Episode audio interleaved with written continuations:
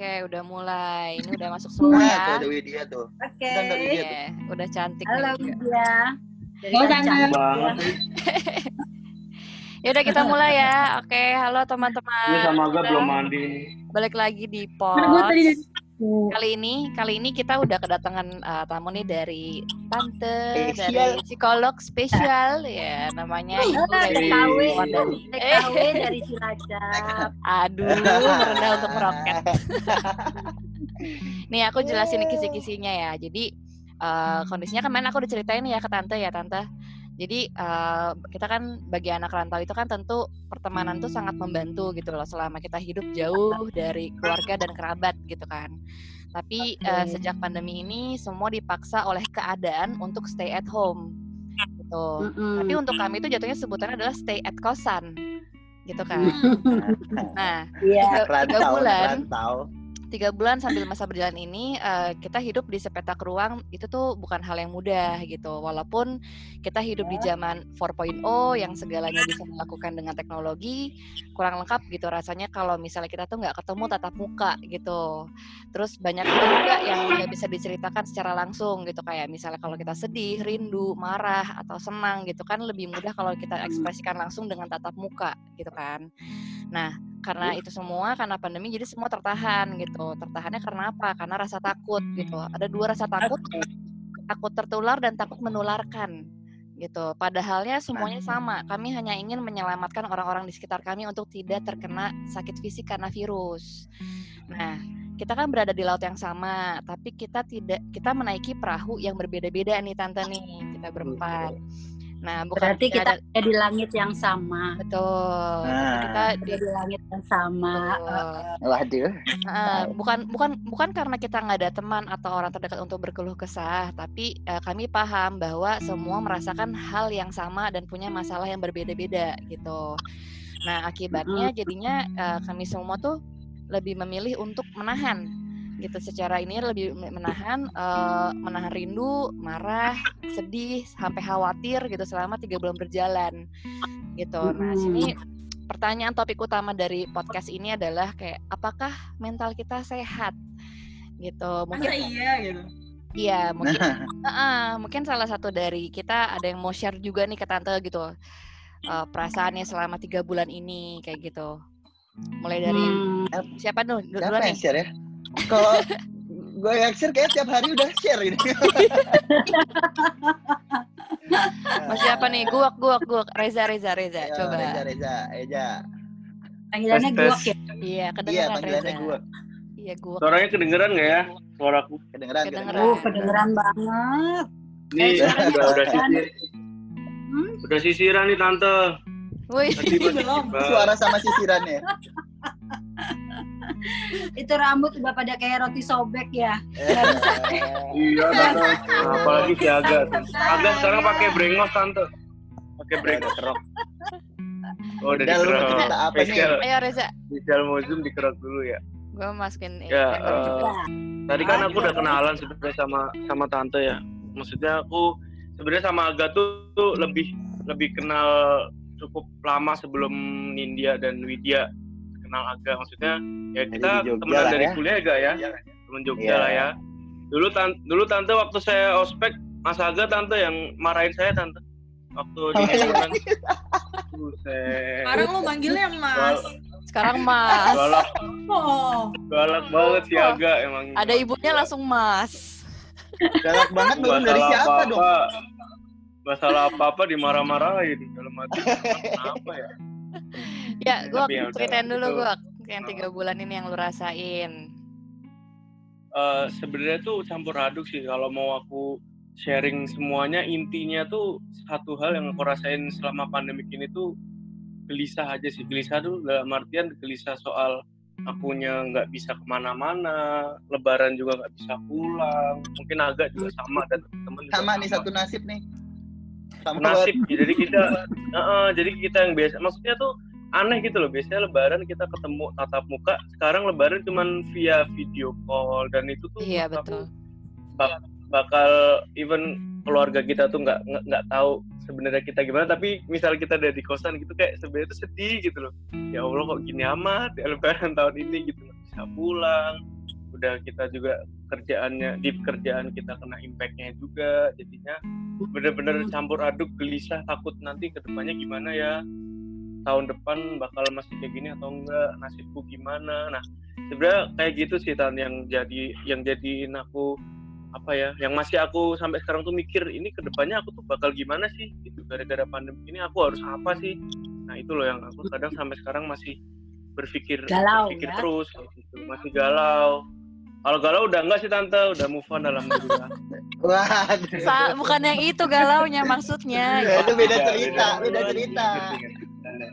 Canda, gitu ta jadi tuh aku tuh bener-bener kayak bingung gitu meraba-raba sih. Maksudnya ini ntar gimana ya kehidupan normal yang yang pada hakikatnya tuh kayak gimana sih? Nah itu aku tuh masih bener-bener aduh masih masih ngambang lah masih ngeraba-raba lah gimana nanti nasibku juga masa depanku gimana. Maksudnya kan bener-bener dari sekarang aja wak- maksudnya baru corona tiga bulan tuh kita udah kayak gini gitu. Nanti gimana ke depannya tuh pasti bakalan aduh nah itulah kan jadi gak tahu juga aku juga bingung kalau dibilang galau ya memang galau dengan kondisi sekarang gitu BTW, Oke. kesulitan. Tante mungkin sebelum dijawab, ini gue baru pertama kali sih take podcast secara proper ngomongnya ya. Iya? Biasanya berantakan dia ngomong. Biasanya nggak fokus tante. Aku aja sampai cari sapu tangan loh. malu-maluin gue lu Wit, di depan nyokapnya agak kan kan gue emang memposisikan gitu loh kalau lagi ya Justru- ya mumpung kapan lagi kan udah Justru biasanya kalau di depanku tuh nggak ada yang jaim lagi. Bener Oh. Nah, tuh kan. Nggak ada, nggak ada yang aja jaim. begini, muka bangun tidur bodo amat nah. gitu kan Terus lanjut yang lain dulu. Siapa Yang tahu lain dulu. Nah, ditampung. kan? Jadi, Ditampung. Siapa nih? Tampung. Gua apa Widya dulu nih? Widya, Widya, Widya.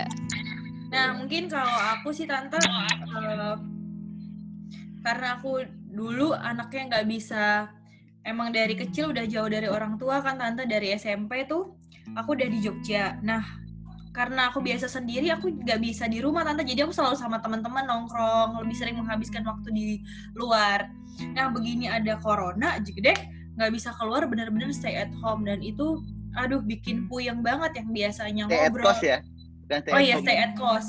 Tapi aku pernah cost. ada di sini kayak kan aku di kosan tuh eh, dulu belum beli galon ya tante jadi masih pakai botol aqua botol aqua. Itu Kasian. sampai Iya. sempet sampai sempat kepikiran kayak ini botol aquanya aku susun aku ajak ngomong. Ya Itu udah ada ciri-ciri ya tante ya? itu bener-bener true story karena gimana ya masa setiap hari kayak setiap hari masa nelfonin teman. Teman juga kan pasti punya kehidupan masing-masing ya walaupun kita berempat selalu intens banget tapi kan ada nggak mungkin 24 jam gue selalu ngubungin mereka. Jadi kayak ya udahlah aku mulai ngajak ngobrol botol minuman kayak gitu sampai segitunya tan.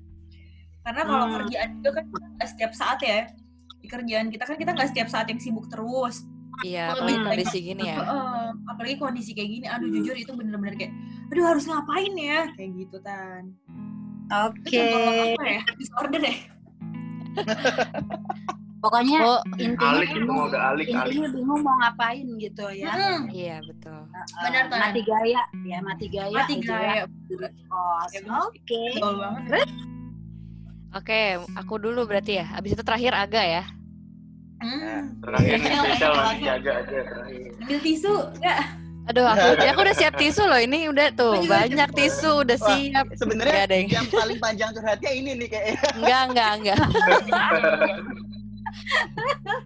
Ya kalau Kita misalnya dari waktunya berapa menit? 40 menit 40 ya? betul. 40 menit. Japri aja. Ini Japri. udah lima menit. Oke. Nih, Iya, aku aku ini aja persingkat aja. Jadi kalau misalnya aku aku tuh eh, dari dulu nggak pernah jauh dari orang tua gitu kan. Nah, aku tuh pertama kali Mm-mm. jauh dari orang tua tuh pas setelah kerja. Pertama kali kerja aku di 2015 gitu. Nah, memang eh, awalnya berat itu juga awal-awal pas kondisi biasa aja aku berat gitu. Jadi memang eh, aku ini cuma butuh orang-orang terdekat kayak teman-teman yang bisa diajak ngobrol dan aku survive untuk di Jakarta ini kayak gitu. Nah, sejak pandemi ini tuh kayak stres gitu. Jadi eh sebenarnya bukan yang nggak mau curhat atau apa gitu karena eh, memang dari dulu terbiasa untuk uh, memendam kan ya gitu. Terus kalau misalnya ke orang-orang keluarga atau yang lain sebenarnya bisa untuk cerita cuma uh, kan karena karena saya kan orang tua tinggal satu ya cuma ada ibu doang gitu jadi dan ibu udah tua jadi takutnya kalau misalnya dia khawatir atau apa aku takutnya kenapa kenapa justru gitu. Jadinya aku lebih banyak memendam gitu. Aku mau curhat ke teman-teman pun untuk perasaan ini jadinya kayak uh, teman-teman aku juga banyak masalah gitu aku gak mau kayak jadinya ganggu gitu kan. Jadi memang aku lebih banyak menyendiri gitu tapi karena menyendiri aku jadi kesepian juga gitu. Bahkan gak cuma ke teman-teman deh kayak misalnya ke pasangan sendiri even though yang yang bener-bener misalnya pacar lah ya. Nah itu pun aku nggak nggak mau cerita gitu karena uh, ya itu bukan karena nggak mau nggak percaya cuma karena uh, ini aja apa nggak mau membebani gitu loh. Karena aku tahu aku paham betul kalau semua orang itu punya masalah juga gitu. Nah dampaknya jadinya nggak uh, tahu ya aku aku suka baca baca browsing ya aku suka takut aku jadi gila kan. Nah ada ada istilah mungkin tuh kayak sebutannya cabin fever. Mungkin nggak tahu tuh bener atau enggak dalam istilah uh, psikolog ya cuma mungkin ada efek itu juga gitu. Jadi uh, apa-apa jadinya kayak cuma di satu ruangan dan aku ngerasa jenuh tapi mau keluar juga takut. Jadi mungkin lebih ke banyak paranoid juga gitu. Aku takut takut banyak banget gitu.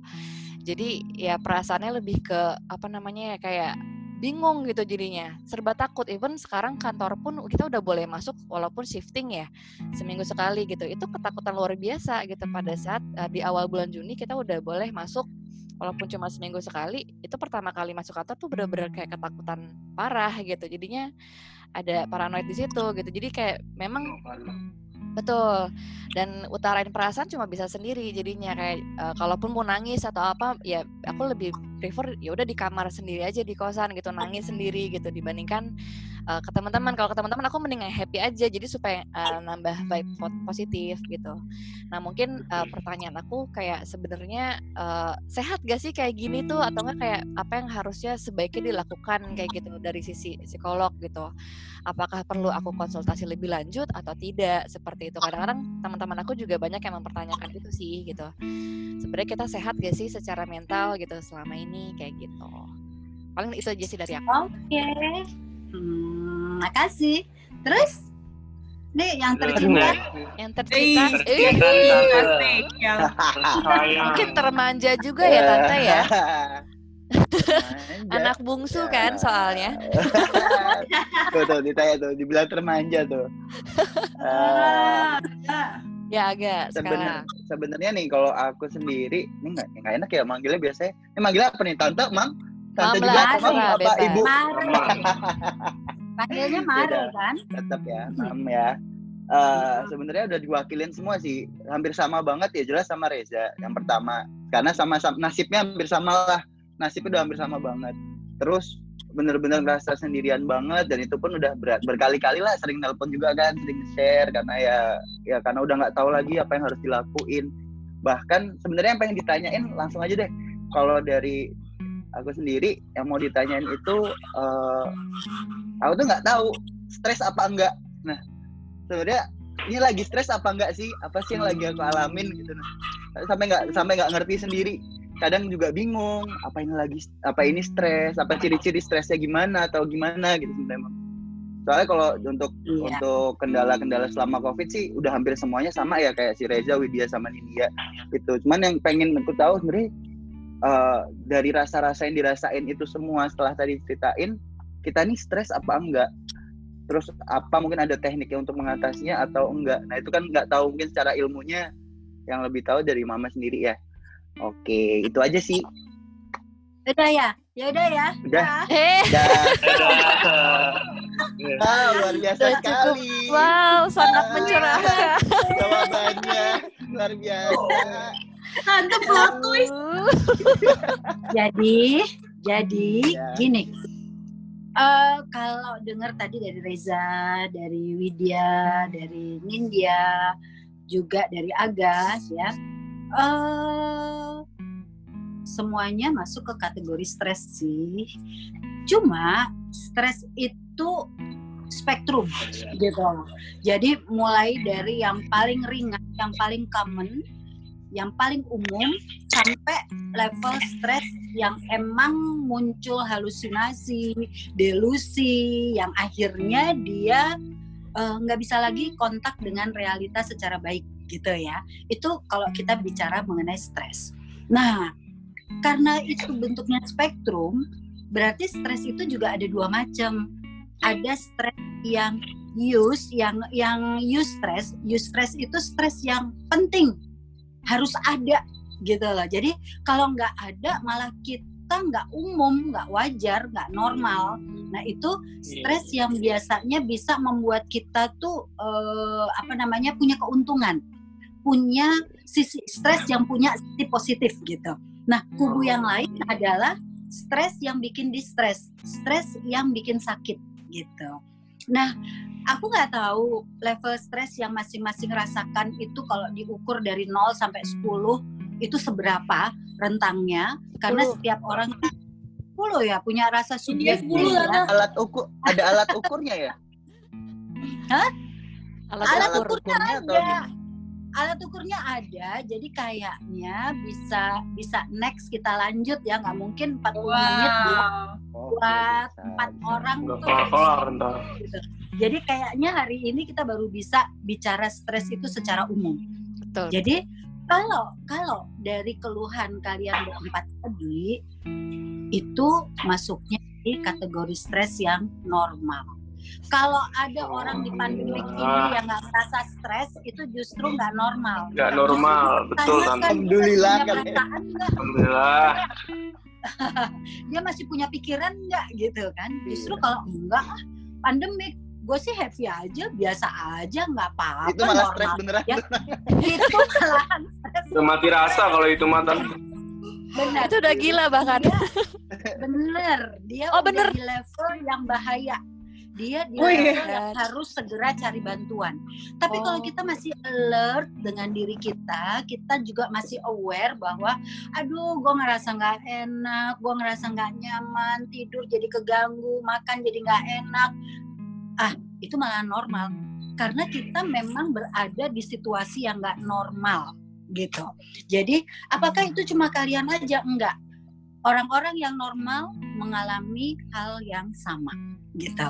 Nah, jadi itu tentang stresnya kalian ya. Artinya kita boleh happy karena kita masih normal, bukan di sisi yang abnormal gitu. Itu yang Normal. pertama. Yang kedua, yang kedua nih semuanya mengalami yang namanya sindrom Bang Toyib ya. Apa tuh? Sindrom Bang Sindrom. Bang Toyib. Terus Aduh. juga yang kedua punya sindrom cabin fever. Betul tadi Nindya Oh, ya. bener yang bilang ya. Ah, benar. Jadi cabin fever itu dirasakan pada saat seseorang itu udah mulai begah, udah mulai marah, udah mulai nggak ngerti rasanya nih kayak apa terhadap Hmm. kondisi yang harus dihadapin cuma sepetak ruangan gitu ya bukan satu rumah Nah, itu. Iya. satu petak ruangan mau room room tour nggak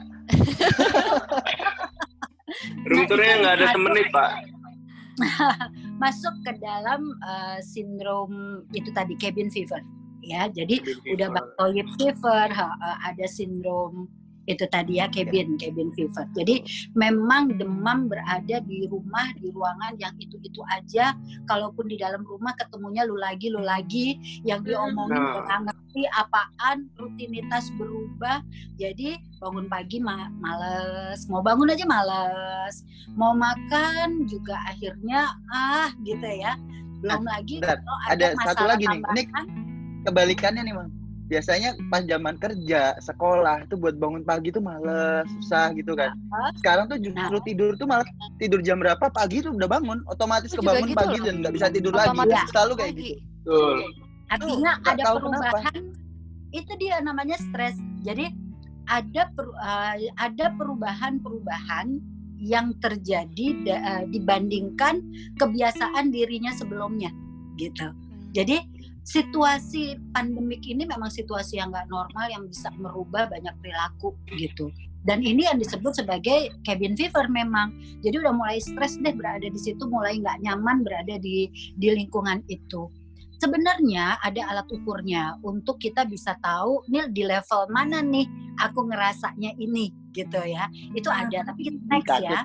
Next. Ah, terus enggak enggak alat ukurnya fun kok. Alat ukurnya Iya iya bercanda. jujur, gitu. Agak nih bikin panik terus nih. Oke, aku mau bahas satu-satu sekarang. Reza, Reza kan gelisah, khawatir ya, terus Iya. eh, galau karena eh, nggak ngerti masa depan nanti ini mau seperti apa dengan situasi new normal, gitu ya. Mm-mm. Nah, Mm-mm. lagi-lagi sebenarnya ini normal, Reza. Berita baiknya kamu normal, berita buruknya berita buruknya nggak ada nggak ada berita buruknya nggak ada artinya gini eh, kalau kita galau terhadap masa depan yang nggak jelas berarti kita harus membuat jelas masa depan kita gitu. Nah gimana caranya membuat jelas masa depan kita? Kita harus punya planning. Mulai sekarang searching mulai sekarang pokoknya cari semua peluang-peluang dan yang paling penting adalah jangan pernah berhenti bermimpi. Itu. Apa pun situasi kalian jangan pernah berhenti bermimpi. Apalagi Betul, kalau gajinya terkait dengan masa depan. Jadi yakinlah bahwa di depan sana sel- selalu ada hal yang lebih baik dibanding hari ini coba deh sekarang kita lihat Eh, sebelum ada ride bersaudara ada pesawat nggak nggak ada kan ada. nggak ada Nggak Ada ada. Eh, Reza nih nggak fokus nih tante. Gue bilang, gue bilang nggak ada, maksudnya nggak ada. iya tapi setelah Delay, delay. Suara delay. setelah eksperimennya eh, Wright bersaudara mulai tercipta pesawat itu menunjukkan bahwa masa depan itu selalu punya harapan lebih baik terus zamannya Siti Nurbaya dia hilang nggak ada yang tahu lagi ya zamannya Siti Tahu. Nurbaya ada jalan tol nggak? Tahu, tahu, Tan. Nggak ada. Zaman ada, Jokowi baru ada. banyak jalan tol. Zaman Jokowi baru banyak. Iya, iya. Harto. zamannya Siti Nurbaya itu tuh setiap orang boro-boro mau bicara ya susah banget buat mau bicara gitu. Eh, nggak bisa bicara secara bebas apalagi perempuan gitu. Nah kemudian di zamannya Siti Hardianti Rukmana ada jalan tol di mana-mana. Perempuan mulai punya peran gitu. Artinya kan ini situasi yang lebih baik ya. Nah sekarang sekarang nih zaman apa? Zaman setiap orang boleh bicara gitu kali ya, sama-sama sitinya ya. nah ini pun juga sebetulnya kalau kita mau lihat dari kacamata positif, banyak kok hal-hal positif yang terjadi yang lebih baik. Artinya kita perlu optimis. Jadi gantungin mimpi itu penting. Kemudian tetap optimis bahwa ke depan itu pasti akan lebih baik. Kalau perlu bikin afirmasi, bikin self talk, tulis gede-gede mimpinya tuh di dinding gitu. Soalnya itu juga yang aku Hmm. lakukan. Jadi ceritanya aku sendiri nggak kalah stres dengan kalian sebetulnya gitu. Tapi, Wah. tapi Stres ya, ya? dipaksa, tapi dipaksa untuk tiap hari tetap masuk ngelayanin pasien COVID yang tiap hari juga marah-marah gitu ya, stres juga gitu. Tapi kita perlu keluar dari pikiran-pikiran negatif itu untuk selalu punya mimpi. Habis ini gue mau ngapain? Oke, berarti kalau mau begini, yang harus dicari itu apa? gitu supaya bisa nyampe ke mimpi itu. Nah, mimpi ini harus jelas, harus konkret. Jangan mimpi yang memang nggak mungkin untuk kita capai gitu loh. Jadi kayak misalnya Yang, yang- kalau Kalau mimpi kita itu sesuatu yang mustahil ya, ya itu berarti mimpi yang kita gantung paling tinggi, yang capaiannya harus ada eh, bertingkat gitu ya, bertahap. Nah itu. Nah mimpi harus ada. Berarti mimpi itu akan menjadi tujuan kita. Tujuan kita harus konkret. Tujuan kita harus jelas. Reza, kamu tujuannya masa depannya kepengen apa? Kepengen seperti apa sih lima tahun ke depan kalian itu? Itu harus Nah, digantungin tuh. Se- sebenarnya itu gini loh tan. Yang bikin aku sekarang jadi apa namanya yang tadi aku ceritain ke, ke tante dan teman-teman itu kan aku tuh udah ngerange nih. Maksudnya lima tahun aku tuh misalnya mau di umur 30 aku mau kayak gini. Terus kan aku nge-breakdown nih. Nanti umur 30 tahun segini berarti nanti lima tahun ke depan aku harus harus sampai di titik apa 10 tahun ke depan harus sampai di titik apa. Nah karena si covid covidan ini datang jadi semua tuh uh, ngerubah uh, planku gitu loh. Yang misalnya aku di umur sekarang harusnya aku udah ada di level ini tapi jadinya kayak gagal bukan gagal sih maksudnya ke pending dulu nih gara-gara ada kayak gini. So aku harus nge replanning lagi nih semua semua yang bener-bener aku udah set dari awal aku setelah lulus kayak gitu. Ya. jadi aku Mm-mm. masih kayak bingung gitu loh. Gimana sih nanti aku harus mulai dari mana lagi? Apakah aku harus dari awal? Apakah harus ngelanjutin gitu? Tapi ya itu yang aku masih pertanyakan sih sampai sekarang. Iya. Apakah mulai dari awal, apakah mulai dari tengah, tergantung dari mimpimu. Mimpimu sekarang ini apa? Kepinginnya lima tahun ke depan itu seperti apa? Terus sekarang adanya di posisi mana untuk bisa nyampe ke mimpi itu? Gitu. Kayaknya kayak misalnya gini, aku pengen bawa mobil dari Cilacap ke Jakarta. Oh sekarang baru nyampe Hmm. Bandung. Oke, kalau nyampe Bandung berarti gitu kan?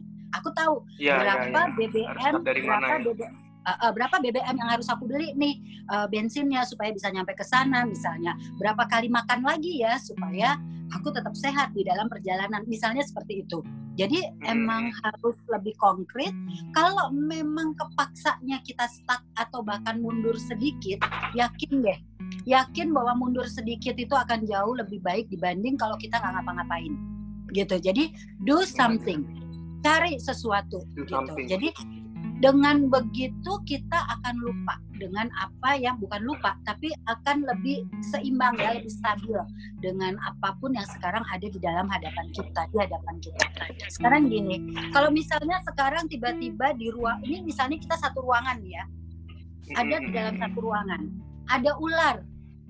Ada ular berbisa masuk ke dalam ruangan itu. Reza akan gimana?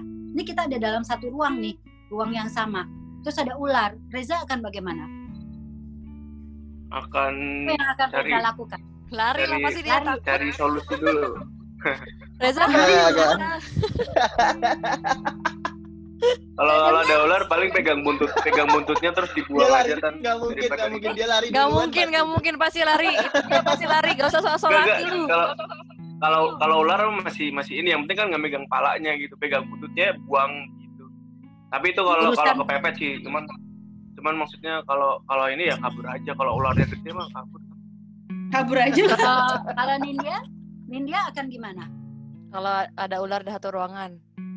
Mm-mm. Yang Jadi pertama kita lagi dalam satu ruangan tiba-tiba ada ular berbisa aku ya pasti aku teriak dulu sih sama yang pasti nanti eh, biasanya aku lihat kalau misalnya tuh kita semua nih misalnya nih ya yang pasti aku Hmm. narik teman-teman aku buat keluar juga gitu oke tuh kalau Widya kabur kalau Widya Kalau aku kan aku orangnya panikan tante jadi pasti aku ngelemparin barang-barang gitu biar ularnya mungkin ularnya mati kayak jadi kan selesai. oke oke kalau Aga Cari alat perlindungan dulu yang penting di sekitar yang paling deket apaan.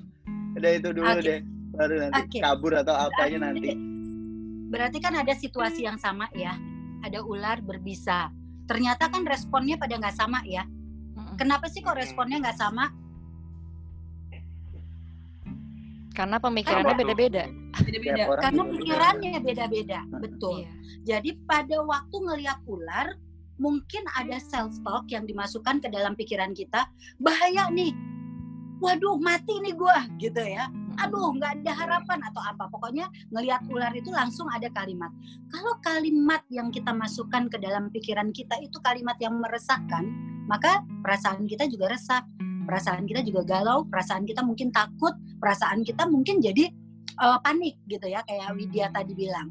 Nah, ternyata kan tiga empat bertiga ya tiga orang ini kan nggak sama eh empat ya empat orang ini kan responnya nggak sama. Berarti kan ada pikiran yang tidak sama gitu ya yang menimbulkan perasaan yang tidak sama sehingga responnya ada yang lari ada yang lemparin sesuatu ada yang mau ngeret bantuin temen-temennya ada yang cari perlindungan ada yang pegang buntutnya gitu. Nah berarti problemnya tuh ada di mana?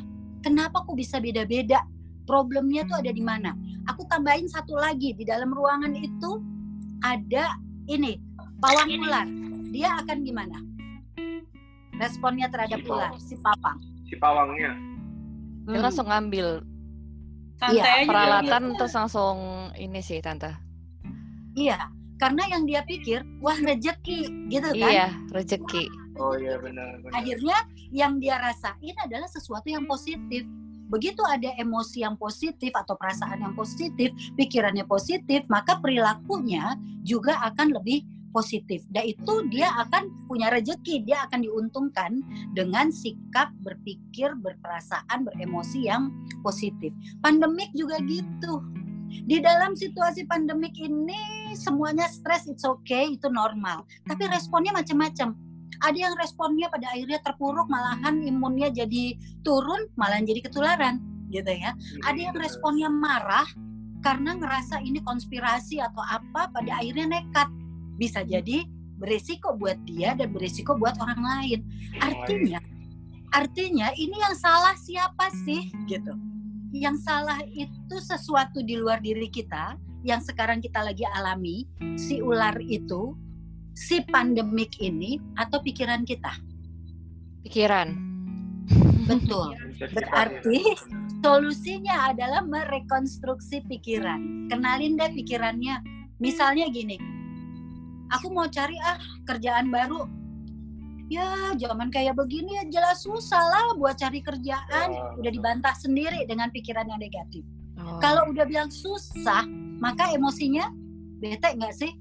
Bete. Iya. ngelangsa Nggak langsung benar. gitu kan? Iya jadi yang harus direkonstruksi pertama kali itu pikiran. Ngomonglah sesuatu kalimat yang positif buat diri kita. Positif. jadi tadi kan udah ada mimpi. Udah ada mimpi kita rajin menyampaikan sesuatu yang positif ke dalam pikiran kita. Sehingga sinyal-sinyalnya di dalam frekuensi yang selalu positif itu penting. Karena nggak ada orang yang nggak stres di situasi pandemik ini. Tapi kalau kita Normal ya, cuma Tan, ya? nyalahin kalau kita cuma nyalahin di luar diri kita habis sih. Gara-gara ini sih. Mana gua dipecat lagi. Mana sekarang nggak bisa ke mana-mana. Nah itu adalah pikiran. Itu adalah self talk itu adalah uh, sesuatu yang kita masukkan ke dalam server komputer kita yang kemudian menggerakkan semuanya gitu. Jadi makin positif maka akan positif. Kalau di situ di setel negatif maka akan negatif. Kalau kita punya mimpi, setelan pikirannya negatif nggak nyampe-nyampe ke mimpi itu bahkan di lantai dasar dari mimpimu sekalipun gitu. Jadi kita tetap harus optimis. Waduh, 15 order gagal total. Yo wes ora popo. 15 ini nggak bisa tapi aku bisa ganti dengan apa? Gitu kan? Jadi kita Ya. harus melihat sisi-sisi peluang yang ada di era pandemik sekarang ini gitu loh. Jadi yang kita lihat bukan di sisi nelongsonya tapi di sisi yang lain karena kita mau ngambil keuntungan di masa yang sulit ini. Dan yang bakalan bisa survive adalah orang yang bisa berpikir positif karena dia akan punya semangat buat cari jalur-jalur mungkin jalur-jalur tikus kalau kita nggak bisa dapat jalan lebar tapi dari jalur tikus itu mungkin bisa nyampe lebih cepat ke tujuan kita gitu. Itu itu analoginya. Buat Reza yang lagi galau buat Widya juga. Nah kalau Widya sampai karena biasa hangout jadi nggak pernah bisa lagi di masa pandemik yang salah ularnya pemikirannya. Yang Iya. salah yang salah pandemiknya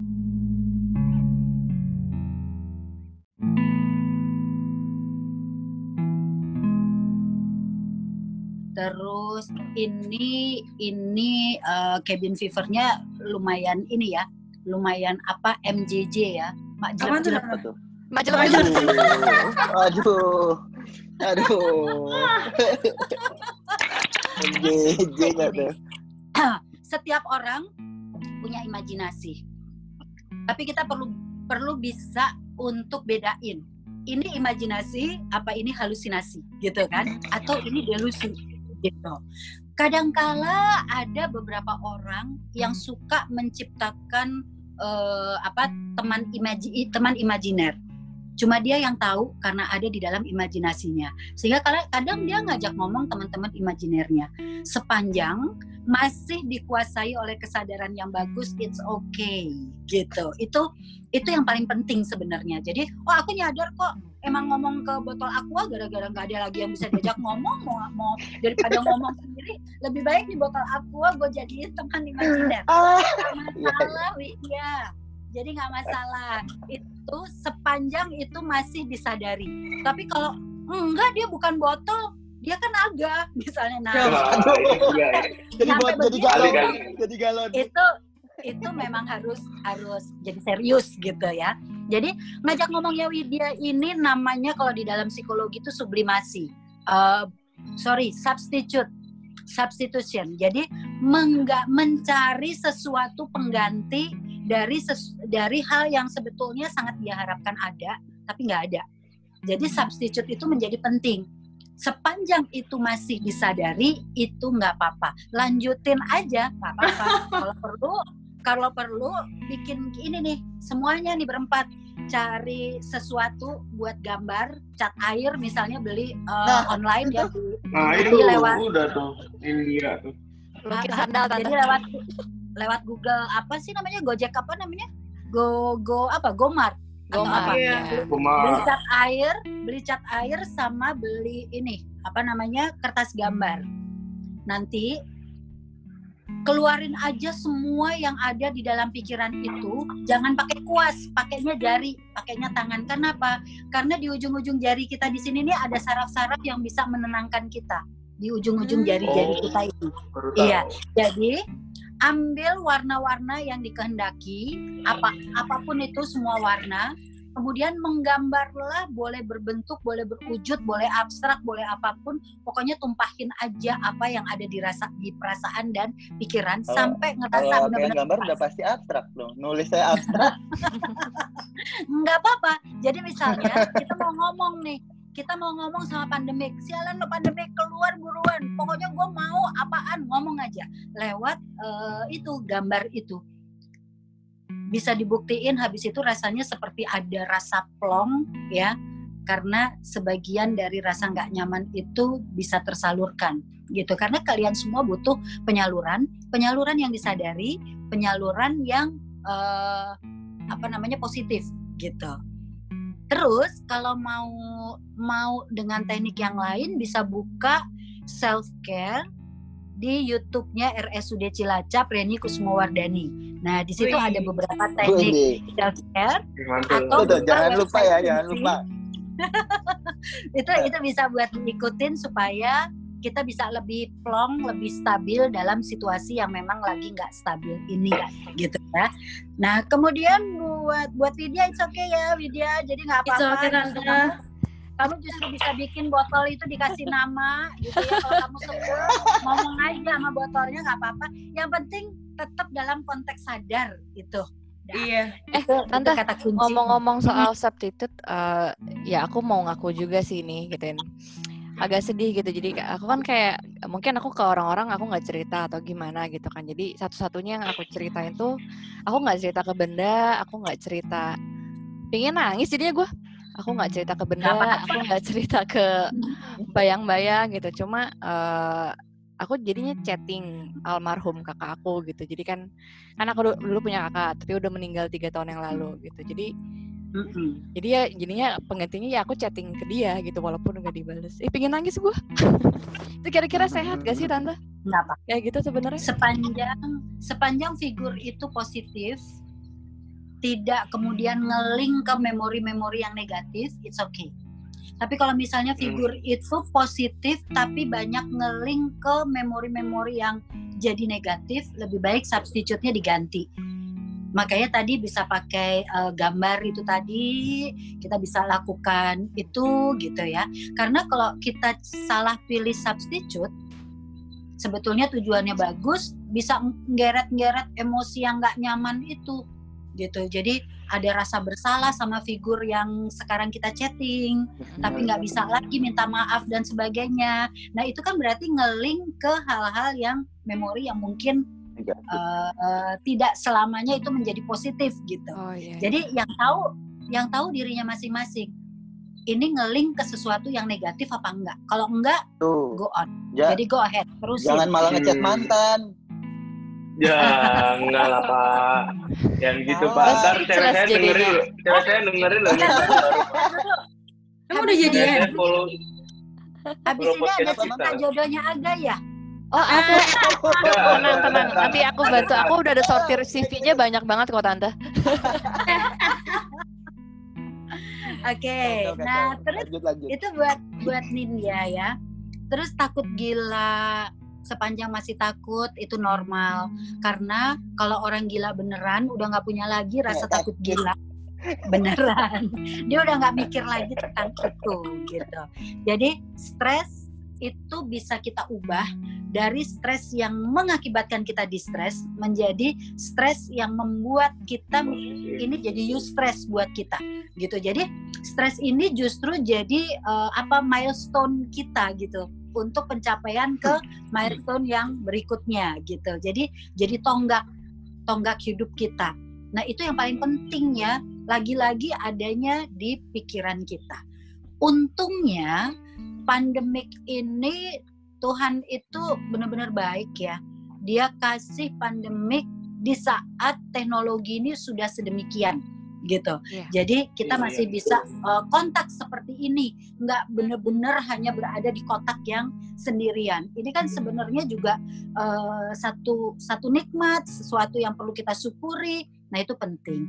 Jadi uh, nggak apa-apa nih ya, ya. Jadi stres itu nggak apa-apa. Kalau biasa mendam, lakukan substitute yang Positif. tidak ngeling ke hal-hal yang ya peristiwa yang kira-kira justru bikin kita makin melo, makin stres gitu ya.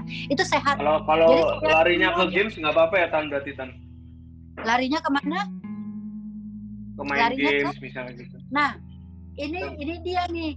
Ada ada tempat atau wadah substitute pengganti yang bisa mengakibatkan edik addiction. Nah, dengerin agak Reza, dengerin tuh. Penting penting. Ini Gimana ini ini dampaknya bisa kayak pisau ya. Satu sisi dia bisa eh, bermanfaat, tapi satu sisi bisa beresiko. Ini sama dengan yang tadi Mama bilang bahwa eh, kalau mau cari substitute jangan yang ngeling ke hal-hal yang bisa negatif Negatif. gitu.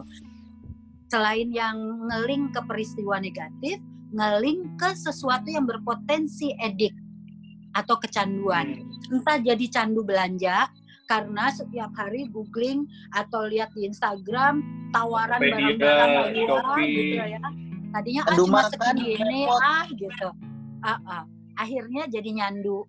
Karena yang namanya edik itu edik belanja, edik games, edik obat ya, itu itu memang bisa jadi edik. Nah, hati-hati hati-hati dengan itu. Maka kalau kita mau cari substitute kita mau cari tempat pelampiasan, cari yang tidak ngeling ke hal yang justru akan merugikan kita untuk meraih mimpi kita. Kecanduan gitu ya Tan.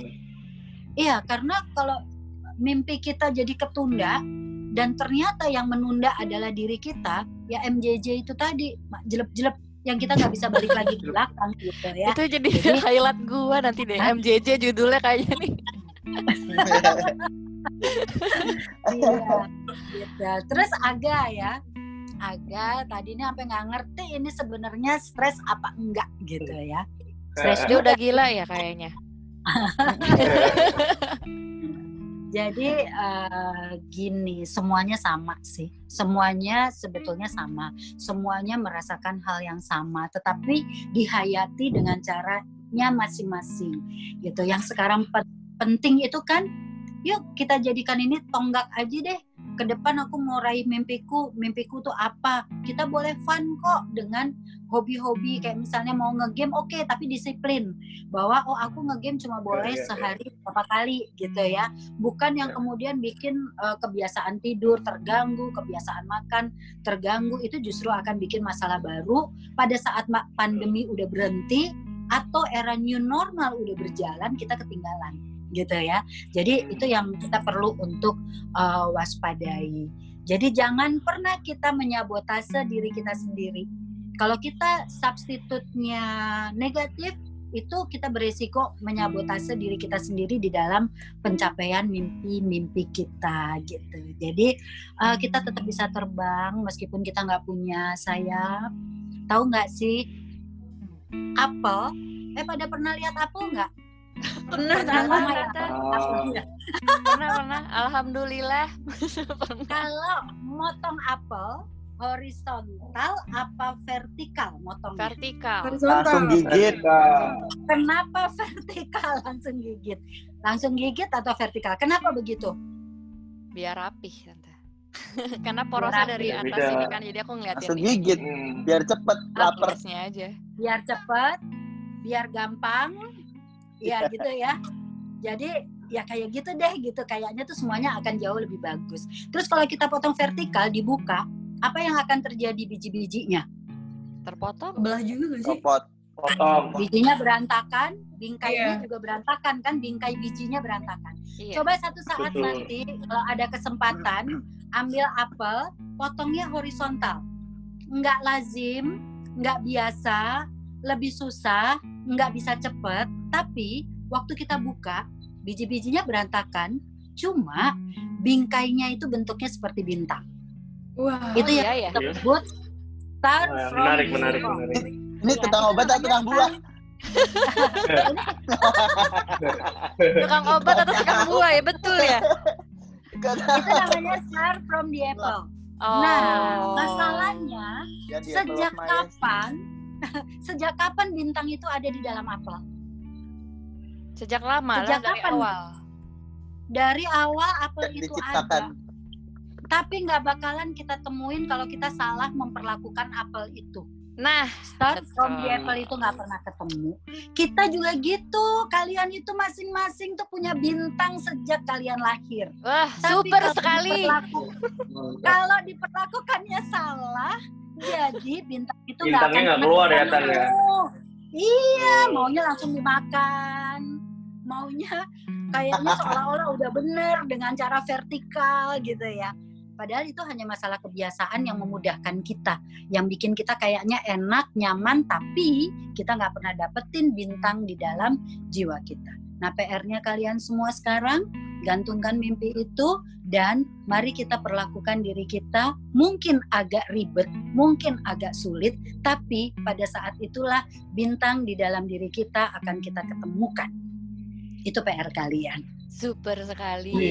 Iya ampun, mantul udah banget. maghrib, udah maghrib. Maghrib pas banget ya, pas banget Pas Tan. banget udah maghrib nih. Terakhir Eh, tante, buat aku mau nanya dulu nih tante berhubungan Ada sama dua pertanyaan kan? Enggak, aku ada satu pertanyaan. Ini sebenarnya pertanyaan Satu dari teman aku katanya eh, kan kalau misalnya diare obatnya kan diapet. Kalau misalnya corona apakah mungkin obatnya koropet?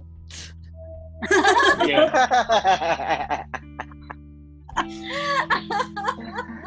Aduh. Aduh, Aduh. corona gitu ya. Gak ada aja nih. Redang, redang. Eh gini, aku mau cerita lagi yang terakhir. Boleh, Yang boleh. terakhir ada- aku ada pertanyaan satu. Ini titipan dari dari teman aku sih di IG. Apaan? Eh, di tengah-tengah pandemi kayak gini, gimana sih cara simpel sembuh dari anxiety eh anxiety disorder sama bipolar? Uh, kalau itu dalam. Wah, berat Nggak itu. bisa Dalam sebentar. itu. Nggak bisa simple. Kalau kalau udah bilang disorder, berarti spektrumnya udah spektrum yang eh, gangguan ya. Karena disorder. Juga bipolar.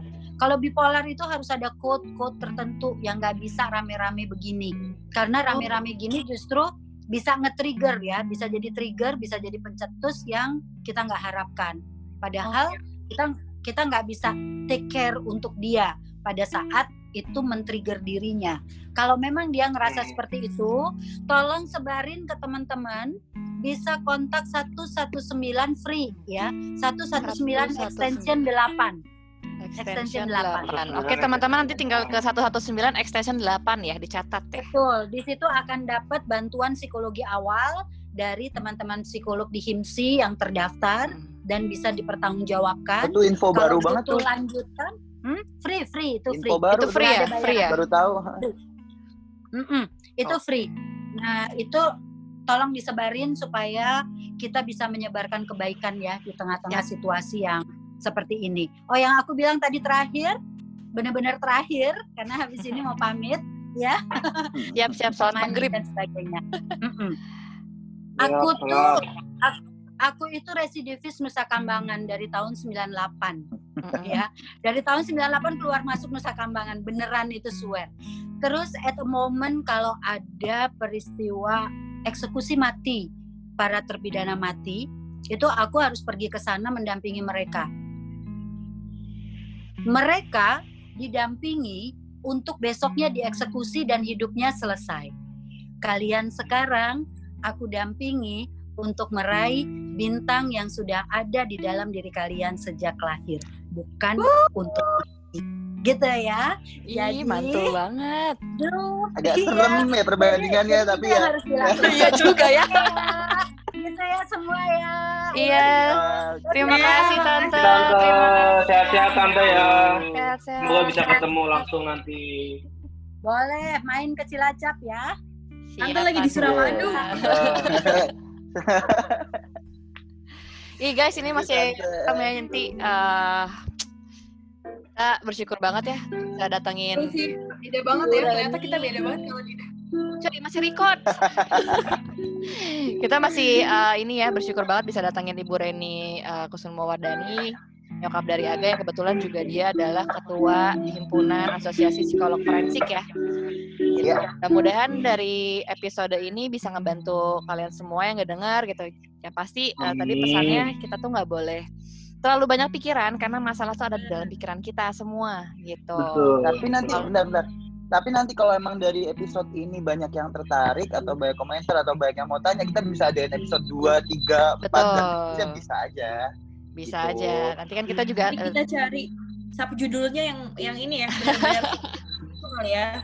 Nah, sama tadi pesan yang terakhir eh, yang pasti eh, tadi kan ada kalau misalnya kalian mengalami ada bantu butuh bantuan psikolog atau apa. Tadi dari eh, Tante Reni juga udah infoin hubungin aja ke 119 119 extension 8. gitu. Itu free, itu untuk bantuan psikologi awal gitu. Kalau kalian benar-benar butuh untuk cerita atau butuh untuk eh, bantuan lebih lanjut lah ya sama ahli dan pakar itu bisa dipertanggungjawabkan semuanya. Gitu. Paling sih itu dari kita mudah-mudahan ke- kita semua kayak lo Widya, Aga, gue gitu. Mudah-mudahan eh, semuanya kalian aman-aman ya. Semuanya termotivasi. Amin.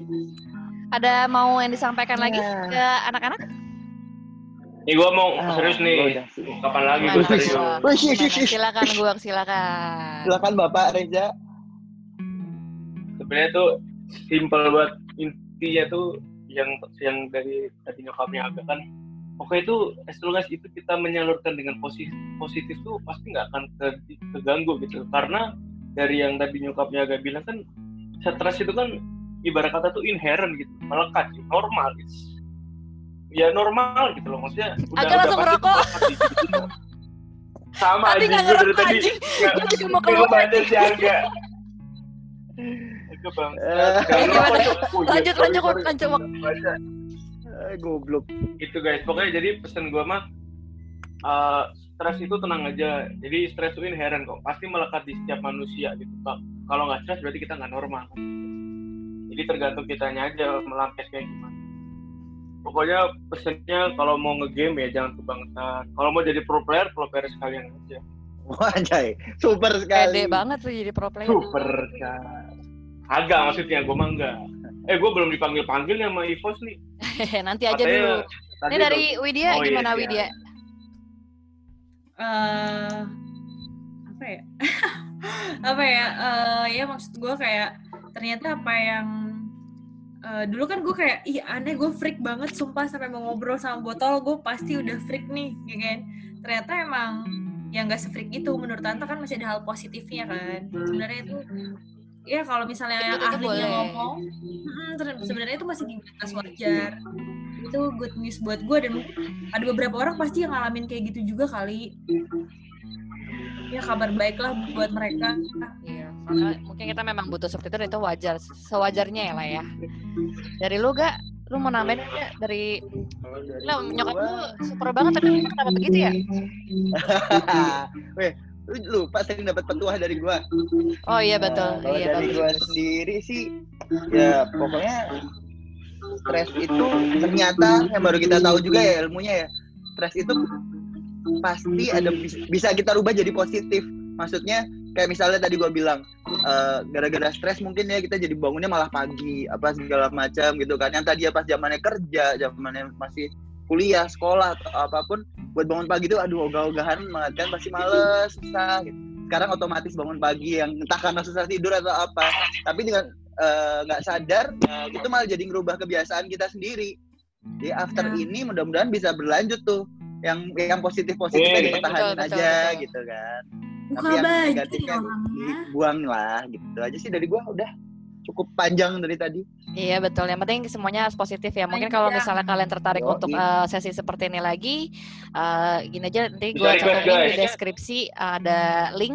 Kalian tinggal ini aja voice note kalian ya. Paling itu ya dari kita. Thank you banget udah ngedengerin. Nanti tunggu aja episode selanjutnya. Oke? Thanks. Bye bye.